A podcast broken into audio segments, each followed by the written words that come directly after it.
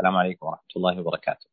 حياكم الله وبياكم. حيا الله الإخوة والأخوات. الحمد لله رب العالمين وصلى الله وسلم وبارك على نبينا محمد وعلى آله وصحبه أجمعين. أما بعد فأسأل الله سبحانه وتعالى أن يجعلنا وإياكم مباركين أينما كنا. وأسأله سبحانه وتعالى أن يجعل ما نقوله ونسمعه حجة لنا لا علينا إنه على كل شيء قدير. إخواني وأخواتي أبنائي وبناتي كنت ذكرت في اللقاءين السابقين وبالمناسبة أتوجه بالشكر الجزيل بعد شكر الله تعالى للإخوة القائمين في جمعية دار البر على هذه المحاضرات لأن أتاحوا لنا الفرصة أن نستمر في آه، إتمام محاور هذه الدورة المباركة. كنت تكلمت عن عدة محاور منها هل الزواج سعادة أم تعاسة؟ هل الزواج مسؤولية أم ترفيه؟ الفرق بين طبيعة الرجل والمرأة؟ الجمال معايير الزواج الناجح آه، أولويات الرجل في المرأة وأولويات المرأة في الرجل. آه، أيضا تكلمنا عن علاقة الزوج بأهل زوجته وعلاقة الزوجة بأهل زوجها. اليوم نتكلم عن عدة يعني عدة محاور لكن قبل أن يعني أبدأ في المحاور المخصصة لليوم وللغد إن شاء الله تعالى. جاءني ولله الحمد مجموعة من يعني يعني من الإخوة والأخوات مجموعة يعني يذكرون أنهم استفادوا بفضل الله وجوده وكرمه وإحسانه مما يتعلق بعلاقة الزوج بأهل زوجته وعلاقة الزوجة بأهل زوجها. فلله الحمد والمنة والفضل والثناء الحسن. أحب أن أعطي قاعدة مهمة في هذا الباب فيما يتعلق بعلاقة الزوجة مع مع زوجها. آه، العلم بهذه القاعدة والعمل بها يجنبنا كثير من المشاكل. آه، لماذا أذكر هذه القاعدة؟ لأن هذه القاعدة من أهم القواعد المتعلقة بعلاقة الزوجة مع مع أهل زوجها وعلاقة الزوج مع آه، أهل زوجه إذا إذا تعارضت رغبتان رغبة أهل الزوج وأهل الزوجة. ما الذي يقدم؟ الأصل مثل ما ذكرت لكم يا أبنائي وبناتي أن يكون الأمر بالتراضي والتشاور فيما بين الزوجين لكن إذا كان أهل الزوج يصرون على حضور الزوجة حضور الزوج يعني ولدهم مثل ما يقال فإن العقل والشرع يقولون تقدم رغبة أهل الزوج. أولا لأن الله عز وجل جعل المرأة تابعة لزوجها. وجعل الله عز وجل وسمى الله عز وجل الرجل سيدا. قال سبحانه وألف يا سيدها لدى الباب. فالمرأة في شريعة الإسلام تابعة للرجل وليس العكس. هذا أولا. وثانيا حينما المرأة تحضر عند أهل زوجها فإن أهلها سيعذرونها. لماذا؟ لأنهم يقولون إنها تابعة لزوجها وأطاعت زوجها ما في مشكلة. أما حينما يكون العكس تكون هناك مناسبة عند أهل الزوج ومناسبة عند أهل الزوجة فلا يذهبون إلى أهل الزوج بل يذهبون إلى أهل الزوجة. أهل الزوج آه، يدخل عليهم الشيطان ويقول لهم أنها تحكمت وسيطرت على ولدكم. ثم تبدأ المشاكل وتحدث المشاكل الواحدة تلو الأخرى. فالذي أوصي به أبنائي وبناتي إخواني وأخواتي أنه إذا حصلت تضارب أحيانا أحيانا هذا ترى في النادر يعني إذا حصل تضارب بين رغبة الزوج وأهل الزوج وبين رغبة الزوجة وأهل الزوجة فمن تريد ومن يريد السلامة لأسرتهم والبعد عن المشاكل خذوها مني عن تجربة والذي لا إله غيره. يا أبنائي وبناتي عن تجربة أن تقدم رغبة الزوج وأهل الزوج بعدا للمشاكل وبعدا لإثارة غيرة الأم وأخوات الزوج. من الأشياء المهمة التي لابد أن يعرفها الزوج حينما يتعامل مع أهل زوجته ويعرفها تعرفها الزوجة حينما تتعامل مع أهل زوجها أن تحفظ هذه القاعدة ويحفظ الزوج هذه القاعدة. كما تدين تدان. إن أحسنتم أحسنتم لأنفسكم وإن أسأتم فلها. كيف؟ اليوم أنت يا بنتي أيتها الزوجة حديثة العهد بالزواج. اليوم أنت مرة ولد زوجة الولد. يوم من الأيام بعد فترة ليست بالطويلة بل السريعة جدا ستكونين أم الزوج. فالذي تحبينه من زوجة ولدك أنت أيتها التي تزوجت حديثا أيتها الزوجة. التي تحبين من زوجة ولدك في المستقبل بعد عشر سنوات بعد عشرين سنة بعد ثلاثين سنة الله أعلم ما تريدينه من زوجة ولدك؟ فافعليه. افعليه لمن؟ لأهل زوجك. وما تريدينه من ولدك؟ إذا تزوج حضي زوجك على فعله. بس أنت فكري جسي وفكري قولي إذا تزوج ولدي في المستقبل. ماذا أتمنى أن يفعل ولدي لي بعد أن يتزوج؟ كل ما تتمنين أن يفعله ولدك لك حضي وحثي زوجك أن يفعله لأمه وأبيه. وفكري كيف تريدين زوجة ولدك في المستقبل؟ كيف تكون؟ كذلك كوني لأهل زوجك وأم زوجك ووالد زوجك. وعندنا مثل معروف في الدنيا في الدنيا الله وأقول للزوج عندك زوجتك وعندك أهلها ماذا تتمنى من زوج ابنتك؟ إذا جاء يوم من الأيام بعد ما تكون بعد 20 أو 25 سنة أو 30 سنة جاء الرجل وأخذ بنتك. توك متزوج لكن المستقبل قادم ماذا تتمنى من زوج ابنتك؟ ماذا تتمنى منه أن يعامل ابنتك فافعله لزوجك ماذا تتمنى منه أن يفعل لأهل زوج؟ لأهل لك ولزوجتك. يعني زوج بنتك تتمنى؟ يكون لك يكون لزوجتك اللي تكون حماتك في المستقبل. الذي تتمنى منه افعله اليوم لزوجتك وأهل زوجتك. أذكر لكم يا أبنائي وبناتي يعني قصة عجيبة حدثني بها يعني أصحاب القصة. آه، أقول خطبت مرة خطبة عن الظلم وبينت أن الظالم يرجع ظلمه عليه. فلما انتهيت من الخطبة ناداني أحد جماعة المسجد وقال تعال أقول لك شيء يعني حدث في يعني بين أهله وجماعته. أحد أهله وجماعته يقول أنه جالس مع أمه وقامت آه، أمه ووضعت الطعام ل آه، يعني لولدها.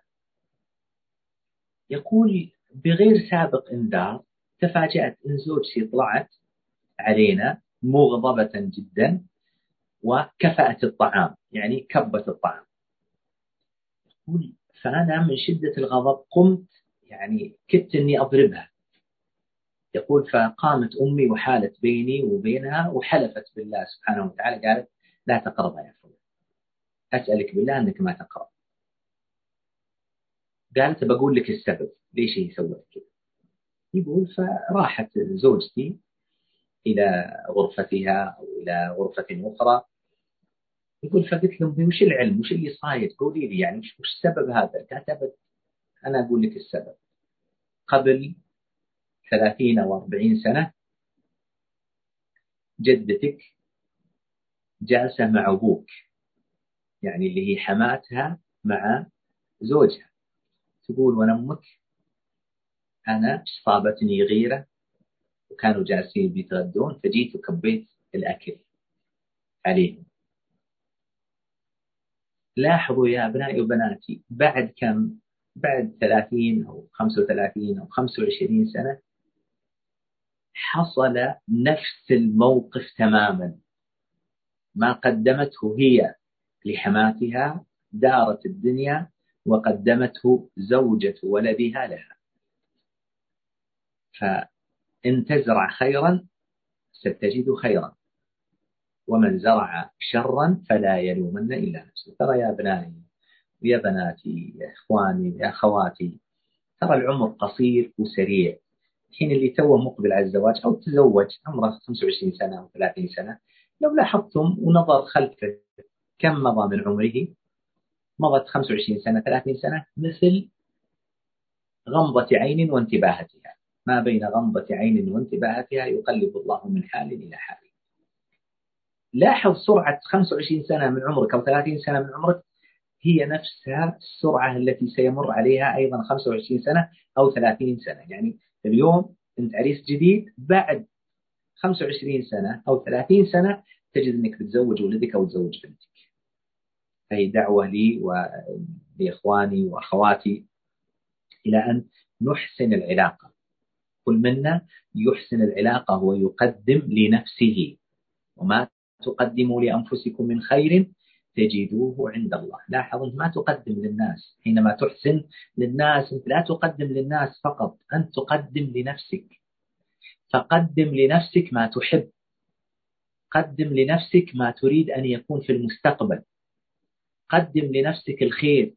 قدم لنفسك الإحسان والبر. قدم لنفسك الصلة. قدم لنفسك الرفق والأنات والرحمة والعفو والمغفرة. أسأل الله عز وجل أن يتوب علينا إنه على كل شيء قدير. من المحاور التي آه، يعني أريد أن أتكلم عنها آه، ما يتعلق بوسائل آه، تنمية الحب بين الزوجين. تنمية الحب بين الزوجين يظن بعض الناس أن الحب يمكن أن ينمو وينشأ ويزيد تلقائيا. الإنسان بطبيعته يحب من أحسن إليه ويبغض من أساء إليه. فلذلك من أعظم أسباب تقوية الحب بين الزوجين بذل الإحسان. الله عز وجل يقول خلق لكم من أنفسكم أزواجا لتسكنوا إليها وجعل بينكم مودة ورحمة. ذكرت لكم أن المودة هي إظهار الحب الحب الداخلي تظهره عن طريق ماذا؟ عن طريق الأفعال وذكرت لكم أن النبي صلى الله عليه وسلم بأبي وأمي عليه الصلاة والسلام كان يستخدم ما يسمى أو يعني يسمى بمصطلح اليوم يسمى ماذا؟ يسمى الرومانسية طيب الحب كيف يزيد بين يزيد بين الطرفين يزيد الحب بين الطرفين بأشياء كثيرة. يعني أذكر جملة منها. الأمر الأول وهو المهم نصح القلب. يعني أن يكون قلبك ناصح للطرف الآخر. ما معنى نصح القلب؟ يعني محبة الخير للطرف الآخر. النبي صلى الله عليه وسلم يقول كما في صحيح مسلم من حديث تميم الداري رضي الله عنه الدين النصيحة. قلنا لمن يا رسول الله؟ قال لله ولرسوله ولكتابه ولأئمة المسلمين وعامته. زوجك وأنت أيها الرجل زوجتك هؤلاء من عامة الناس بل من أقرب الناس إليك. يعني خاصة ليسوا فقط عامة بل هم خاصة. هم من عامة المسلمين لكن خاصة بسبب العهد والميثاق الذي بينكم وهو عهد الزواج. فلا بد من نصح القلب إنك تحب الخير للطرف الآخر أن تتمنى له الخير أن تتمنى له السعادة تتمنى له النجاح تتمنى له التوفيق تتمنى له الرفعة في الدنيا والآخرة تتمنى له الهداية تتمنى له السلامة والعافية من كل ما ما يضره. أعظم سبب للحب بين الزوجين هو الحب الصادق الناصح وهو ما تقدم. قال الله عز وجل إن يعلم الله إن يعلم الله في قلوبكم خيرا يؤتكم خيرا مما أخذ منكم ويغفر لكم. ويقول الله عز وجل في بيان أن صلاح النية يؤدي إلى صلاح حياتنا الأسرية. ذكر الله عز وجل هذا في المشاكل بين الزوجين. فقال إن يريد وين هذا؟ في القلب. إن يريد إصلاحا يوفق الله بينهما الذي هو الحكم بين الزوج والزوجة. هذا يدل على أن النية الصالحة لها أثر في حياتنا. يا أيها الذين آمنوا اتقوا الله وقولوا قولا سديدا. اتقوا الله. هذه التقوى محلها القلب. وينعكس هذا على الجوارح. ما الذي يحدث إذا أصلحنا قلوبنا ونياتنا؟ قال يصلح لكم أعمالكم ويغفر لكم ذنوبكم. تبي تصلح أحوالك؟ تبي تصلح حياتك مع زوجك؟ أصلح نيتك. أصلح قلبك. اجعل قلبك مليء محبة الخير للطرف الآخر. بمجرد أن يمتلئ قلبك بمحبة الخير للطرف الآخر ستجد أن جوارحك تسير بهذا الاتجاه. ستجد أنك تبتسم في وجهه تبادر في مساعدته ترحمه تدعو له تخاف عليه تنصح له تأمره بالمعروف تنهاه عن المنكر تحفظه إذا غاب لا تتكلم فيه لا تغتابه. كل هذا ناتج عن ماذا؟ ناتج عن صلاح القلب. صلاح قلبك تجاه تجاه الطرف الآخر. من بعد ذلك بعد صلاح القلب ونصح القلب للطرف الآخر وهو أعظم سبب لدوام الحب وزيادة الحب بين الزوجين ألا وهو الكلمة الطيبة. يقول الله سبحانه وتعالى إن الشيطان ينزغ بينهم يقول الله سبحانه وتعالى ادفع بالتي هي أحسن فإذا الذي بينك وبينه عداوة كأنه ولي حميد يعني دائما ابذل أحسن ما عندك. قال سبحانه وقل لعبادي يقول التي هي ما قال الله عز وجل؟ وقل لعبادي يقول الحسن. قال التي هي أحسن. يعني إذا كان عندك قائمة كلمات حسنة الله عز وجل يأمرك أنك ماذا؟ أنك تتكلم بأحسن أحسن الكلام. قل لعبادي يقول التي هي أحسن. لما يا رب؟ إن الشيطان ينزغ بينهم.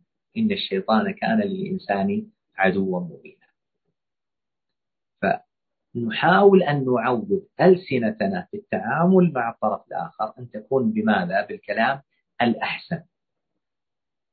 أن الإنسان ينادي زوجته بالكلمة التي تحبها. يدلعها باسمها يناديها بالحب يا حبيبتي يا قلبي يا عيني يا روحي يا تاج راسي. إلى غير ذلك من الكلمات. وكذلك الزوجة. يا حبيبي يا عيني يا قلبي يا تاج راسي يا روحي. وغير ذلك من الكلمات الجميلة التي تؤدي إلى زيادة الحب بين الزوجين. من أسباب الحب بين الزوجين الشكر. الله سبحانه وتعالى وهو ربنا الغني سبحانه وتعالى عن عباده. يحب وأمر عباده أن يشكروه. قال سبحانه وإذ تأذن ربكم لئن شكرتم لأزيدنكم ولئن كفرتم إن عذابي لشديد. فهذا وهو رب العالمين الغني سبحانه وتعالى. فكيف بيننا نحن البشر إذا الإنسان أحسن للطرف الآخر؟ الزوج أحسنت له زوجته فيشكرها ويثني عليها ويحمدها على ما فعلت. والزوجة حينما يحسن إليها زوجها تشكره وتحمده وتثني عليه. وبعض الناس من الأزواج والزوجات يا أبنائي وبناتي يظنون أن الشكر فقط للأشياء غير الروتينية. الشكر يا أبنائي وبناتي يكون في كل شيء حتى لو كان بسيط حتى لو جابت لك كاس موية حتى لو طفت النور إذا جيت تنام. شو المشكلة؟ تشكرها. ما يضرك شيء. تشيع ماذا؟ تشيع مفهوم الشكر داخل البيت. بمجرد أنها تستقبلك بابتسامة اشكرها على ذلك. أثن عليها. وجدتها لابسة. وجدتها متعطرة. زوجة جاي بالأغراض اليومية من البقالة. الله يجزاك خير. ما قصرت. الله يجعل ميزان حسناتك. الله يعوض عليك. الله يخلف عليك بخير. الله لا يحرمنا منك. وكذلك الزوج يقول لزوجته مثل هذا الكلام. تصوروا كيف ينمو الحب بين الزوجين. من أسباب نمو الحب بين الزوجين الدعاء. والذين يقولون ربنا هب لنا من أزواجنا وذرياتنا قرة أعين واجعلنا للمتقين إماما. لابد أن كل واحد منا يدعو الله عز وجل أن يجعل الطرف الآخر قرة عين له. إيش معنى قرة عين له؟ يعني من شدة إعجابه به وكمال صفاته لا يلتفت لغيره. هذا معنى قرة عين من قرار العين وعدم حركتها. بحيث أن الإنسان الزوج أو الزوجة حينما يرى الطرف الآخر من شدة إعجابه به وكمال صفاته أنه لا يلتفت لغيره. والذين يقولون ربنا هب لنا من أزواجنا وذرياتنا قرة أعين واجعلنا المتقين الزوج يدعو الله عز وجل لزوجته والزوجة تدعو لزوجها. اللهم حبب إلي زوجي وحببني إليه. اللهم حبب إلي زوجتي وحببني إليها. أعرف أحد من الإخوة يقول أنه أول ما تزوج آه، يعني سبحان الله لم يحدث بينهم يعني لم يجد هناك حب ومشاعر حب بينه وبين زوجته. فالله سبحانه وتعالى وفقه للدعاء. صار يدعو أن الله سبحانه وتعالى يلقي محبة هذه الزوجة في قلبه ويلقي محبته في قلب زوجته. مع مرور الوقت سبحان الله صارت هذه المرأة من أحب الناس إليه. ببركة ماذا؟ ببركة الدعاء. وهو الذي يحدث بذلك بنفسه. يسأل الله عز وجل أن يديمها عليهم ويزيدهم من واسع من أسباب زيادة الحب بين الزوجين الاعتذار. الإنسان إذا أخطأ أن يعتذر. والاعتذار من شيم الكبار لا كما يظن بعض الناس. لكن لابد أن نعرف هذا سيأتي الكلام. عنه أن الاعتذار له لغات. أحيانا قد يكون الاعتذار باللفظ لكن في بعض الناس لا يستطيع أو لا يعرف الاعتذار باللفظ وإنما يعتذر بالعمل يعتذر يعتذر بالابتسامة. طبعا زوجها وهو غلطان يوم جاء إلينه مبتسم ومتهلل وجايب معه. مثل ما يقولون شيء تحب الزوجته جايب معه سكرين ولا جايب معه عصير. ولا جايب أحيانا أشياء للأطفال يدري أن حينما يسعد أطفالهم من زوجته تسعد ترى هذا يا بناتي نوع من أنواع الاعتذار. كذلك بعض النساء قد يصعب عليها أن تعتذر لفظيا. لابد أن يفهم الزوج أن المرأة حينما تخطئ ثم أنها تلبس وتتزين وتجي أو تعد له طبخة هو يحبها أو تحضر له البيت أو غرفة النوم أن هذا اعتذار عملي. لكن الأفضل ولا شك أن الإنسان يجمع بين الاعتذار اللفظي والاعتذار العملي. من أسباب زيادة الحب بين الزوجين المساعدة في أعمال المنزل المساعدة في أعباء الحياة. الزوج أحيانا قد تكون عليها أعباء والمرأة تكون قادرة على أنها تساعد زوجها فتمد يدها إلى إلى زوجها. الزوج يشوف زوجته تعبانة في البيت تشتغل يقوم ويشتغل هذا لا يعيبه. النبي صلى الله عليه وسلم كان في مهنة أهله يعني كان النبي صلى الله عليه وسلم يساعد أهله على أعباء وأعمال المنزل بأبي وأمي عليه الصلاة والسلام. من أسباب الحب بين الزوجين آه، المزاح أن يقع بينهم ماذا؟ أن يقع بينهم مزاح مثل ما كان النبي صلى الله عليه وسلم يمزح مع زوجاته. مثل ما النبي صلى الله عليه وسلم سابق عائشة ولما سمنت في المرة الأولى سبقته ولما سمنت قالت سابقيني قالت لا أصر عليها النبي صلى الله عليه وسلم أنها تسابق فسبقها النبي صلى الله عليه وسلم فقال هذه بتلك يعني مثل ما نقول لنا واحد واحد بأبي وأمي عليه الصلاة والسلام.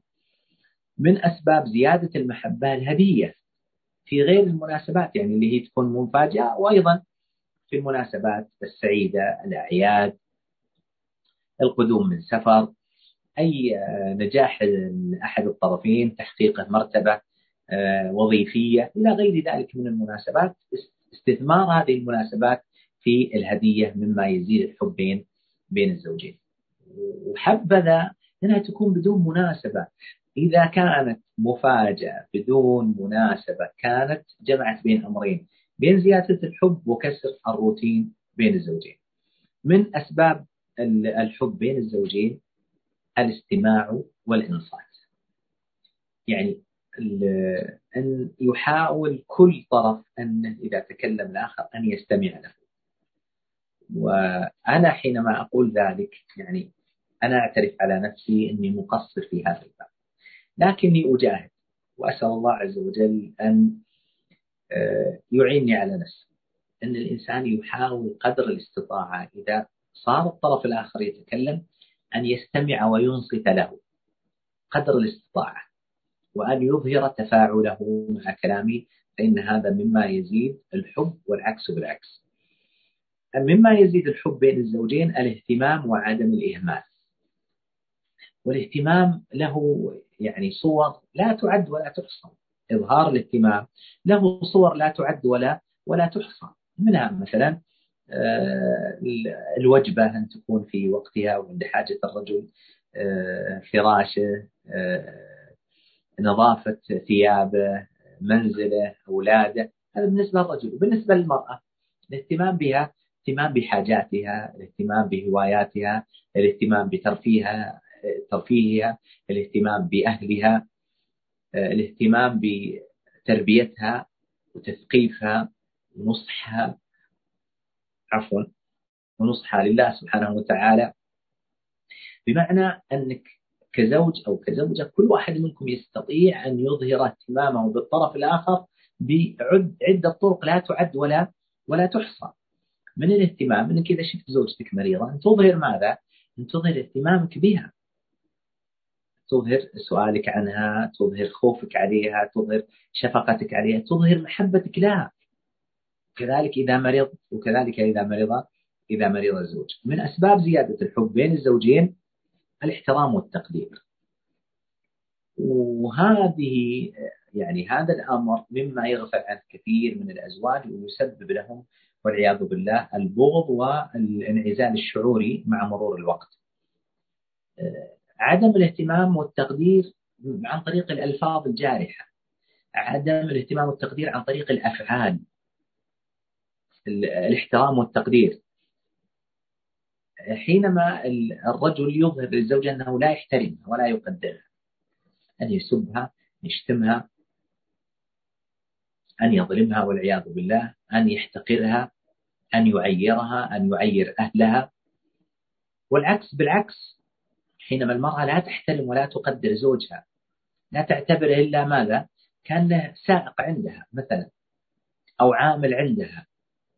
أو موظف عندها ترفع صوتها عليه وتكثر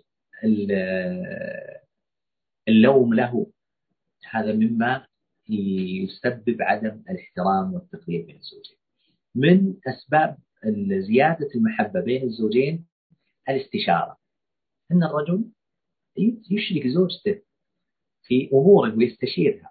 والعكس بالعكس النبي صلى الله عليه وسلم أشارت عليه أم المؤمنين أم سلمة رضي الله عنها لما أخبرها النبي صلى الله عليه وسلم فقال ما لي آمر فلا أطاع في غزوة الحديبية. فقالت يا رسول الله اخرج ولا تحدث أحدا واحلق رأسك وانحر هديك. فلما فعل النبي صلى الله عليه وسلم استجاب الصحابة رضي الله عنهم. حتى من سرعتهم كاد بعضهم أن يجرح بعض. فالاستشارة مما تشعر الطرف الآخر بقيمته باحترامك وتقديرك له ولرأيه. من أسباب زيادة المحبة بين الزوجين الكرم. والكرم يا أبنائي وبناتي يظن بعض الناس أن الكرم خاص بالمال. لا الكرم في كل شيء. الكرم بالمال. إذا الله عز وجل أعطاك وسع على من حولك. قال الله عز وجل لينفق ذو سعة من سعته ومن قدر عليه رزقه فلينفق مما آتاه الله سيجعل الله بعد عسر يسرا. لاحظوا إذا أنت عندك في سعة من المال ما المانع أنك تكون كريم على من حولك؟ بقدر ما أعطاك الله عز وجل. فهذا كرم مادي. هناك كرم باللفظ اللي هو الكلام الجميل الكلام الحلو. لماذا الله عز وجل يعطينا رصيدا كبيرا عندنا وهو الكلام الجميل الكلام الحلو؟ لماذا نبخل به؟ يعني تصوروا إنسان عنده ملايين في رصيده لكن لا يستخدمها. هذا محروم المسكين. كذلك الله عز وجل أعطانا رصيد كبير من الألفاظ الجميلة الحلوة لماذا لا نكون كرماء في صرفها للطرف الآخر؟ الكرم بالوقت أنك تجعل من وقتك لأهلك الطرف الآخر. الكرم كرم الأعمال. أن تكون كريم في جهدك في تعبك أنك تبذله للطرف الآخر في مساعدته في الوقوف في بجانبه في مساندته. كل هذا يدل على يدل على الكرم. قديما قيل تستر بالسخاء فكل عيب يغطيه كما قيل السخاء. صفة الكرم تغطي تكاد تغطي كل جوانب أحيانا النقص في الإنسان. من أسباب زيادة الحب بين الزوجين العفو والصفح والمغفرة. لاحظوا كيف الله عز وجل جمعها في آية واحدة. يا أيها الذين آمنوا إن من أزواجكم وأولادكم عدوا لكم فاحذروهم. ثم قال الله عز وجل عدو لكم يعني ممكن يضرونكم. أنت حاول تتجنب أنهم يضرونك. طيب لو آذوني وش أسوي لهم؟ طيب يا رب. قال الله عز وجل وإن تصبروا قال الله عز وجل وإن تعفوا وتصفحوا وتغفروا. العفو المسامحة. الصفح أن تصد. كأنك ما شفت من صفحة العنق حينما يلتفت الإنسان كأنه ما رأى. وتغفر وتستر. ما تروح تذيع ذلك بين الناس. وبالمناسبة يا أبنائي وبناتي لابد أن يعلم أن الزوج يعلم الزوج والزوجة أنهما ليس عدوان ولا خصمان. الأعداء والخصوم كل واحد منهم يريد حقه لكن الزوجين ليست بينهم عداوة ولا خصومة. أحد الإخوة كان بينه وبين زوجته خصومة يقول و يعني طالت المدة. يقول و...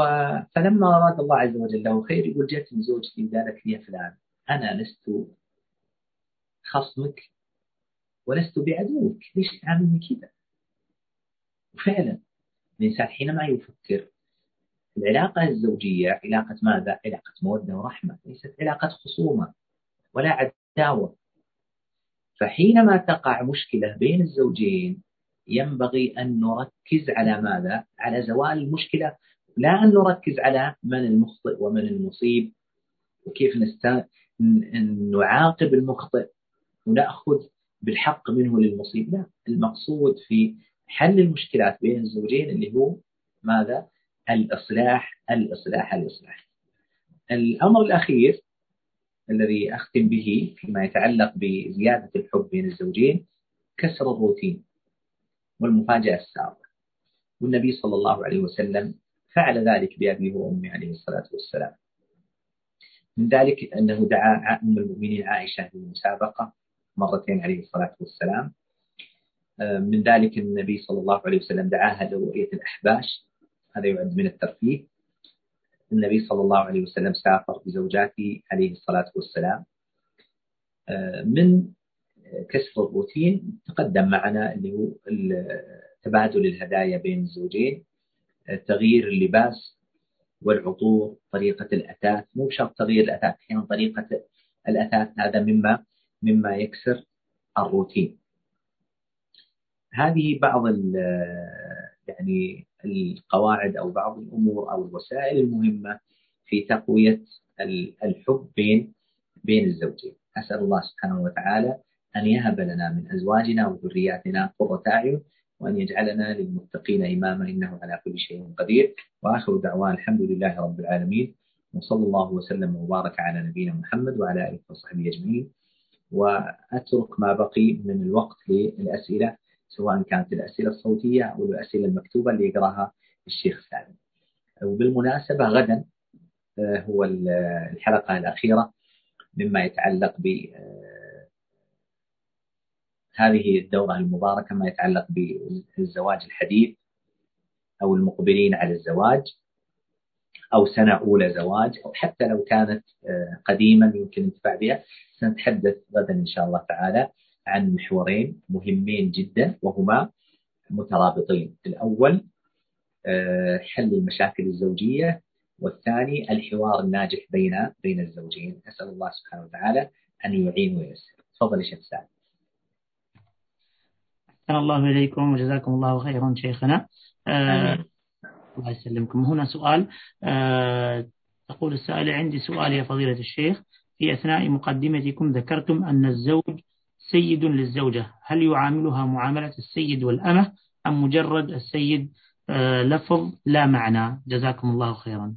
لفظا لا يعني معنى. أي السيد هنا ليس المراد به يعني أنه المالك لها بحيث أنه يعاملها معاملة الأمة. لا.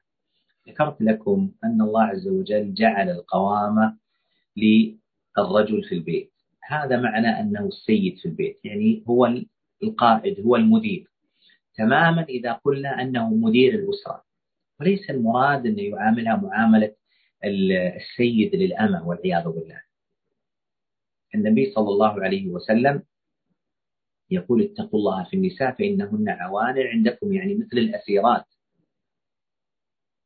والنبي صلى الله عليه وسلم يقول أحرج عليكم حق الضعيفين المرأة واليتيم بأبي وأمي عليه الصلاة والسلام. ويقول سبحانه ولهن مثل الذي عليهن بالمعروف وللرجال عليهن درجة. هذه هي معنى أن السيد له القيادة وله الإدارة في البيت لا أن له الاستبداد عليها يعاملها مثل ما تعامل الأمة. هذا تكلمنا عنه في الحلقات الماضية والدروس الماضية أن من الأخطاء الموجودة بين الزوجين أن يعتقد أن العلاقة الزوجية السعيدة تعني السيطرة على الطرف الآخر. نعم. آه الأخت هدى محمد ممكن تسألين الشيخ وتفتحين الميكروفون؟ أخت هدى. الأخت آه، أمل الكعبي. أخت أمل.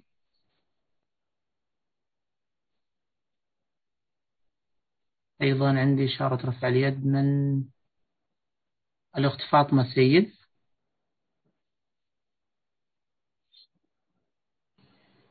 السلام عليكم. وعليكم السلام ورحمة الله وبركاته. جزاك الله ألف خير يا, يا شيخنا. جزاك الله ألف خير. يا هلا يا هلا تستهدف أنا أول مرة أشترك في الدورة وأنا فعلا فرحانة. جزاك الله ألف خير. هذا فضل الله علينا جميعا. لا حول ولا قوة إلا بالله سبحانه. جزاك الله ألف خير تفضلي. في سؤال؟ لا. جزاك الله ألف خير آمين. وإياكم. حياكم الله. آه طيب الأخت إسراء حافظ. أخت إسراء. ظاهر يمكن بعض شيخ سالم السؤال. إي نعم. وعليكم السلام ورحمة الله. تفضل يا بنتي. جزاك الله خير يا شيخنا. وإياكم.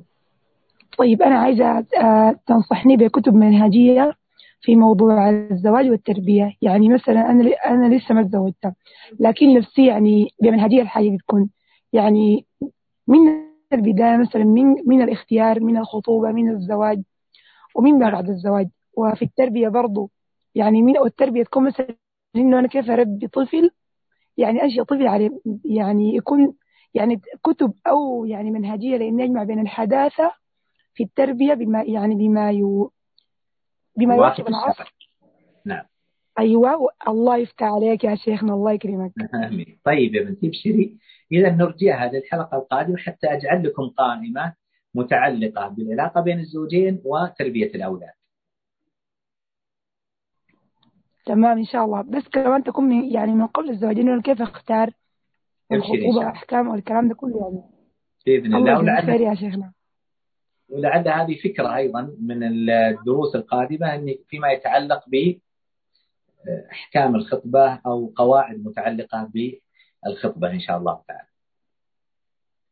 أيوة وتاني بس ممكن حاجة إنه يعني إن شاء الله إذا في طريقة إنه عشان إحنا نستفيد والحي كلك إن شاء الله يعني أجر بإذن الله تعالى. ربنا يتقبل منك. إنه يا ريت الدورات اللي بتعملها دي آه مرات ممكن مثلا الزول عنده زمن إنه يسمع الدورة كاملة أو كده. فممكن تكون في تسجيلات يعني محفوظة إنه نحن نعم نرجع عليها إذا احتجنا لها أو كده. أو في ملخصات يعني إذا كان ممكن الحاجة دي بعد إذنك يا شيخ.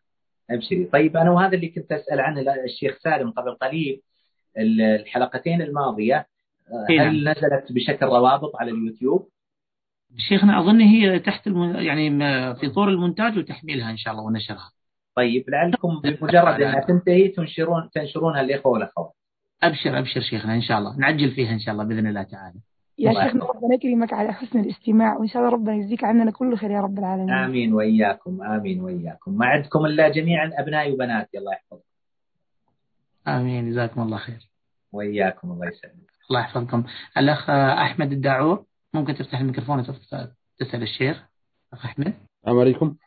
عليكم السلام. حياك الله يا شيخ أحمد. بارك الله فيك يا شيخ. إحنا من أنا من محبيك يعني من كندا. الله يحفظك. ما شاء الله. حبك الله الذي أحببتني فيه. الله يجزاه خير وبارك الله فيك. من وين؟ في تورنتو على قولتهم ولا وين؟ اي تورونتو. الله الله يعينك يا الله يعينك. يردكم سالمين غانمين. من الإمارات؟ شيخ أحمد. آه، لا والله. أنا من مواليد السعودية. من مواليد السعودية. يا هلا شرفتني وسعدتني. الله يبارك فيك ويحفظك. هذا خير. وإياك. آه بارك الله فيك. آه عندي بس سؤالين. الأول آه يعني مدى يعني واحد يتنازع عن مثلا آه متطلباته من الزوجة اللي حاب يتزوجها. يعني نعم. مثلا أنا هنا أسعى يعني آه، للزواج. وكما هو معلوم يعني المسلمات هنا الحمد لله فيهم في خير وفي يعني غير ذلك. لكن أنا أطلب مثلا المتحجبه كاملا والاهل نعم. يقولون يعني هذا صعب فتنازل خذ لك واحدة يعني أقل من هذا. فالى متى الواحد قد يتنازل عن الأشياء بالذات اللي أنا نعم. أراها شرعا يعني تستلزم. طيب أنا أقول لك اتركني واترك أهلك. أوكي. عليك بقول النبي صلى الله عليه وسلم حينما قال فاظفر بذات الدين تربت يداك. هذا في المرأة والرجل والنبي صلى الله عليه وسلم قال في الرجل إذا أتاكم من ترضون دينه وخلقه فزوجوه. الخلق والدين لا تتنازل عنهما وما دونهما فأمره يسير. حتى لو تعبت حاول وابحث والله عز وجل يقول والذين جاهدوا فينا لنهدينهم سبلنا ومن يتق الله يجعل له مخرجا ويرزقه من حيث لا يحتسب ومن يتق الله يجعل له من أمره يسرا. ومن يتق الله يكفر عنه سيئاته ويعظم له أجرا. استعن بالله وأكثر من الدعاء والح على الله عز وجل في سجودك وفي آخر الليل وبعد الصلوات المكتوبة وآخر ساعة من الجمعة. وقال ربكم ادعوني أستجب لكم. ما بيننا وبين أحلامنا إلا دعوة مستجابة. نسأل الله عز وجل أن يستجيب لي ولكم. ما فيه الخير لنا في الدين والدنيا والآخرة. آمين. آمين. بارك الله فيك. جزاك الله خير. آه، السؤال الثاني بارك الله فيك. إيش آه، مدى علمك ويعني معرفتك بهذه المواقع التي يعني تحاول تعين المسلمين على الزواج؟ هل التي؟ تعين تحاول تعين المسلمين بالذات الذين يسكنون الغرب مواقع مواقع الزواج يعني. اي نعم. والله أنا نصيحتي لك يا أخي أن تحاول قدر الاستطاعه الابتعاد عن هؤلاء لأنك لا تعرف من وراء هذه الشاشات. صحيح. أي هذه الشاشات والفضاء الإلكتروني مليء بالأسماء الوهمية غير الحقيقية التي ظاهرها غير باطنها وحقيقتها غير آه، ما يتظاهرون به. فأنا أنصحك واخوك أنك تسلك الطرق الشرعية المتاحة عن طريق أئمة المساجد، عن طريق الخطبه، عن طريق الدعاة، عن طريق ال- المدرسين والمدرسات في المؤسسات التعليمية الدينية يبحثون لك إن شاء الله تعالى عن من تكون ذات خلق ودين، نسال الله عز وجل في هذه الساعة أن يرزقك الزوجة الصالحة المباركة التي تقر بها عينك والسامعين أجمعين يا رب العالمين. بارك الله فيك جزاك الله خير يا شيخ آمين وإياكم.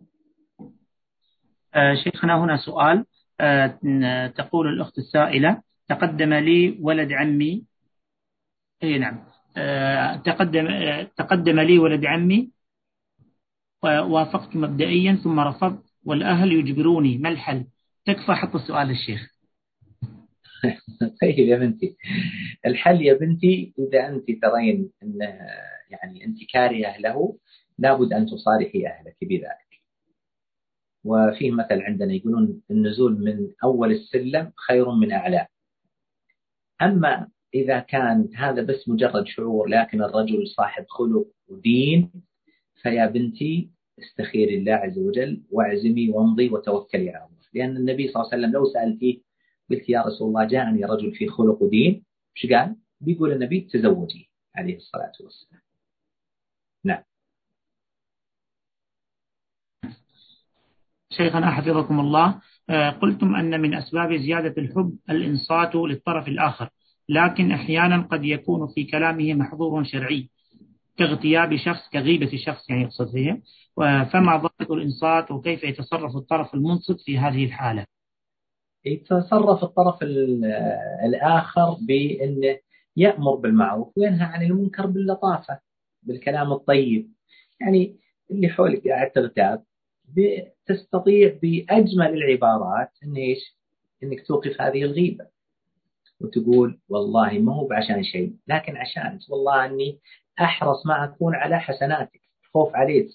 ترى أنا لو ما أحبك لو ما أخاف عليك ما ذكرتك بذلك. لكن والله هذا من باب الحب من باب الخوف عليك من باب الخوف على حسناتك.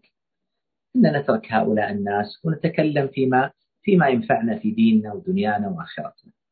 بمعنى أن الإنسان يستطيع أن يجمع بين الإنصات والإحسان وحسن الخلق مع الأمر بالمعروف والنهي عن المنكر. نعم. شيخنا تقول أو يقول السائل هل يجوز أن نفارق بين زوجتنا وبين صديقاتها الموجودات معها قبل الزواج في فيما بعد الزواج وذلك لمنعها من مشاركة أحوالها الزوجية معهن ما فهمت السؤال. شيخنا حقيقة أنا كذلك لم أفهم. أنا قرأته هل يجوز أن نفارق بين زوجتنا وبين صديقاتها الموجودات؟ يفرق يمكن يفرق بين زوجته وبين صديقاته. اي نعم ظهر كذا نعم صحيح.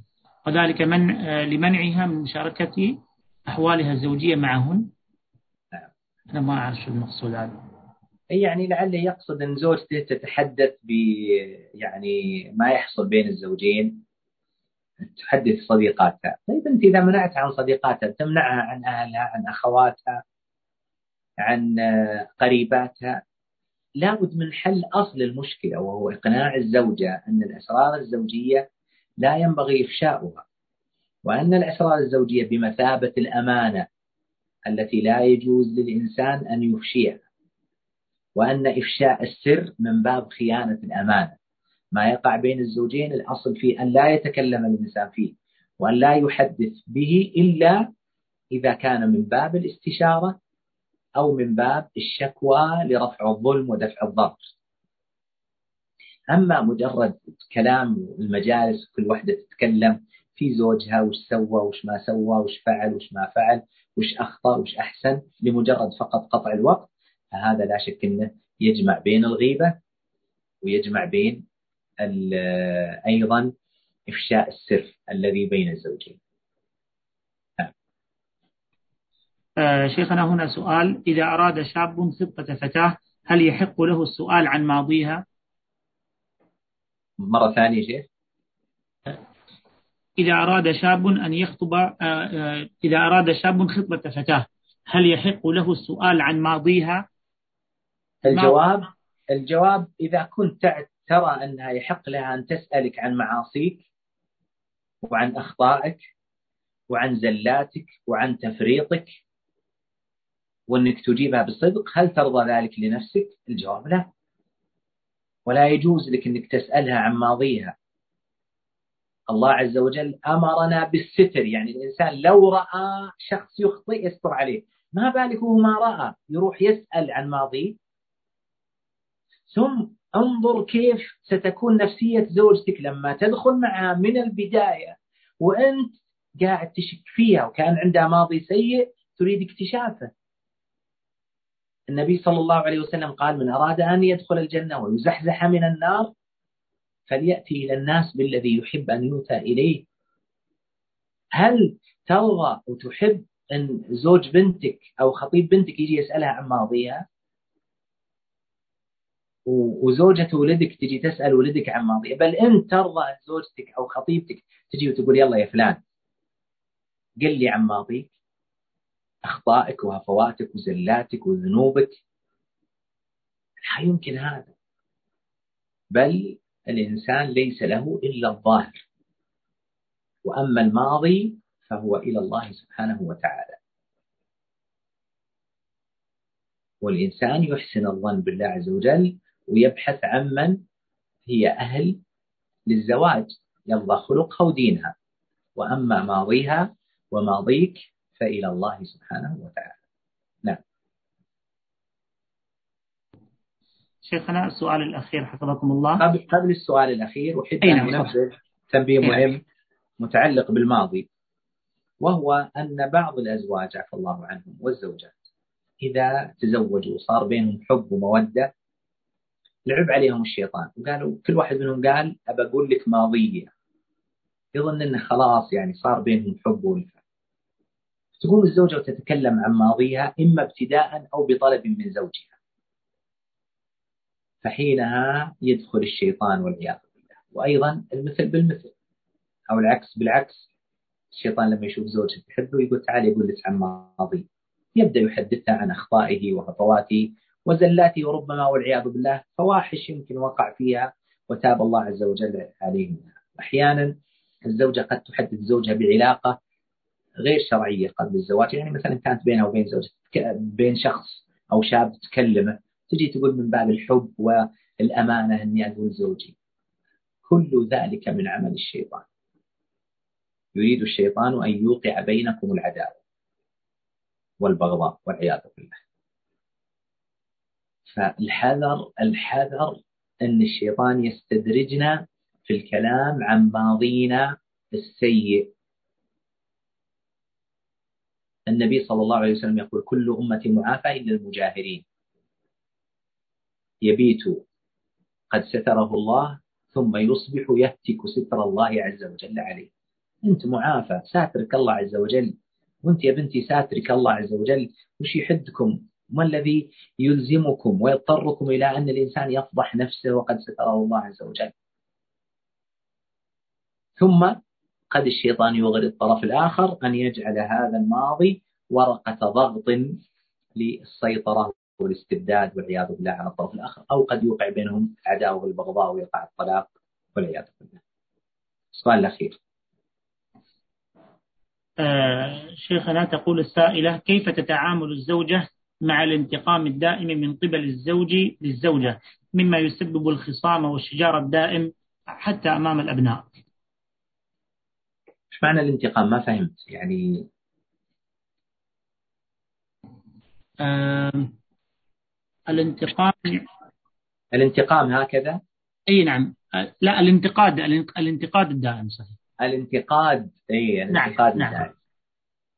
الدرس القادم سيأتي معنا وسائل أو أسباب وقوع الشقاق أو البغض والكراهية بين الزوجين. سنذكر منها هذا الأمر الا وهو النقد واللوم، هناك في فرق بين النقد واللوم. كثرة النقد واللوم توقع البغض والكراهية في قلب الإنسان للطرف الكثير اللوم، كثير العتاب، كثير النقد. آه، كيف يمكن أن الزوجة أو الزوج يتجنبون ذلك؟ أولا لابد أن نطرح مشاكلنا في الوقت المناسب وهذا سيأتي إن شاء الله تعالى. ما تطرح المشكلة ولا يمكن أن تطفأ النار بالنار. هذا أولا. ثانيا لابد أن يكون بين الزوجين عقد اتفاق فيما يتعلق بمشاكلهم. هذا أيضا سيأتي. إنما يكون أمام الأولاد. ثالثا أن المرأة إذا رأت زوجها بدأ يغضب ويخطئ لا تساهم في زيادة غضبه وخطئه أمام أولاده. تحاول أن تتجنبه وتبتعد عنه. وتفارق إذا استطاعت أنها تغادر المكان الذي هو فيه أو تتجنب مخاصمته ومعاندته حتى لا يزيد. وكل هذه الوسائل سيأتي الكلام عنها بالتفصيل إن شاء الله تعالى في الغد. أسأل الله سبحانه وتعالى أن يرزقني وإياكم العلم النافع والعمل الصالح وأن يصلح أزواجنا وذرياتنا وأن يهب لنا من أزواجنا وذرياتنا قرة أعين وأن يجعلنا للمتقين إماما. وأسأله سبحانه وتعالى أن يسعدنا بأزواجنا وذرياتنا ويسعدهم بنا. إنه على كل شيء قدير. وآخر دعوان الحمد لله رب العالمين وصلى الله وسلم وبارك على نبينا محمد وعلى آله وصحبه أجمعين. السلام عليكم ورحمة الله وبركاته. وعليكم السلام ورحمة الله وبركاته. جزاكم الله خيرا شيخنا. حضورنا الكرام نعتذر منكم لعدم التمكن من الرد على أسئلتكم جميعها لضيق الوقت. ونشكركم جزيلا على حضوركم. ونلقاكم مجددا اللقاء القادم مع الجزء الرابع من محاضرة وصايا مهمة للمقبلين على الزواج. غدا الثلاثاء الموافق 31 8 2021 والسلام عليكم ورحمة الله وبركاته.